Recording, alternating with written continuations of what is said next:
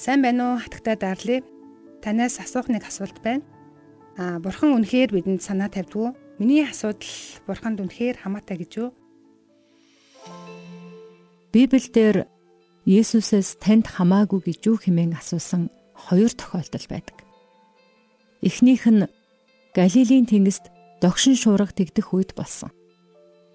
Тэр үед усны давлгаа завийг цохилон балбаж зав усаар дүүрч эхлэхэд тэд баргал живжсэн.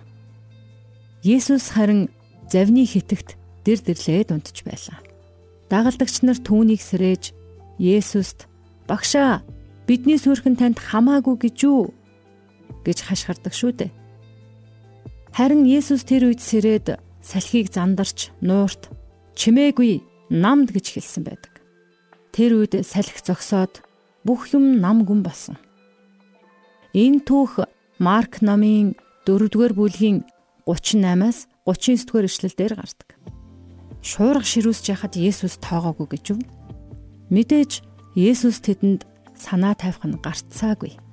Яг үнэндээ тэднийг нуурын нөгөө эрэгт аюулгүйгээр хүрх болно гэдгийг Есүс аль хэдийн мэдчихсэн.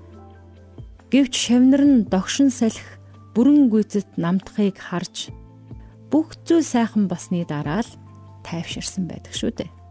Дараагийнх нь танд хамаагүй гэж юу хэмээх асуулт нь Есүс, Мария, Марта хоёрын герт зочлох тэр үед асуугдсан байдаг. Марта галтгооныхоо өрөөнд ажиллаж байх үеэр дүү Мария нь Есүсийн хөлд суугаад сургаалыг нь анхааралтай гихчин сонсч идэг.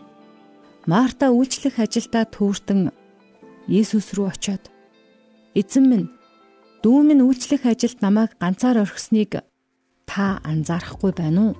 Надад тусал гэж түүнд хэлээж гэхэд Есүс хариуд нь Марта, Марта чи мөн ч олон юмд санаа зовж үүлээ үзэх юм да. Үнэн дээр ганц л юм хэрэгтэй.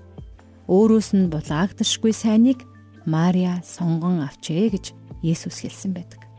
Энэ түүх Лук номын 10 дугаар бүлгийн 40-оос 42 дугаар эшлэлдэр гардаг. Есүсийн энэхүү хариулт нь Мартад цоо шин хандлага, шинээр харах үнцгийг өгсөн. Харин Мария илүү сайн сонголт хийсэн. Их эзэнд чин сэтгэлээсээ анхааран үнэнч байх нь золиос гарган үйлчлэхээс жилүүтэйгээр бурханд таалагддаг. Ойлгож тайлбарлахын аргагүй хүнд хэцүү нөхцөл байдалд орох үедээ Их эзэн минь танд хамаагүй гэж юу гэж бид асуудаг шүү дээ. Харин хариулт нь бол мэдээж Бурхан танд надад бид бүгдэд санаа тавьдаг. Дуулал 95-ын 7 дээр учир нь их эзэн бидний бурхан бөгөөд бид түүний бэлчээрийн арт түмэн түүний мотрын хонин сүрэг юм химэн бичсэн байдаг. Амьдралын догшин хар шуурга чамайг хуу хамах үед хаммаг чадлаараа хичээсэн ч үл ойшоогдох үед бухимдан шаналх бүрт чинь бурхан чамайг анхааран халамжилж санаа тавьж байдаг гэдгийг үргэлж санах хэрэгтэй.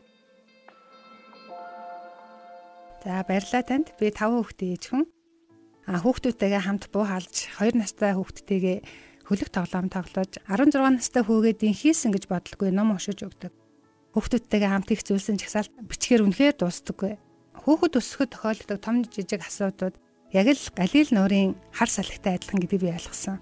Тэгэхээр сэтгэлийг минь зовоож байгаа асуудлуудаа Есүст хэлээд түүнд даатгавал тэрээр сэтгэлийн төгшүүр хэмээх хар салхинд чимээгүй намд гэж тушаалаа буулгаж байгаатай адил санагддаг.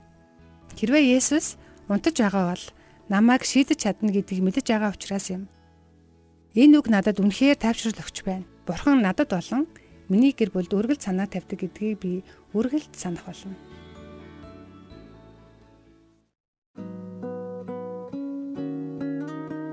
Урмын үгс сэтгэлийн зовлонгоос холдуулдаг. Хадагтай Дарлин Салагийн урам зоригийн үгс нэвтрүүлэг танд хүрлээ. Бидэнтэй холбогдох утас 8085 99 тэг тэг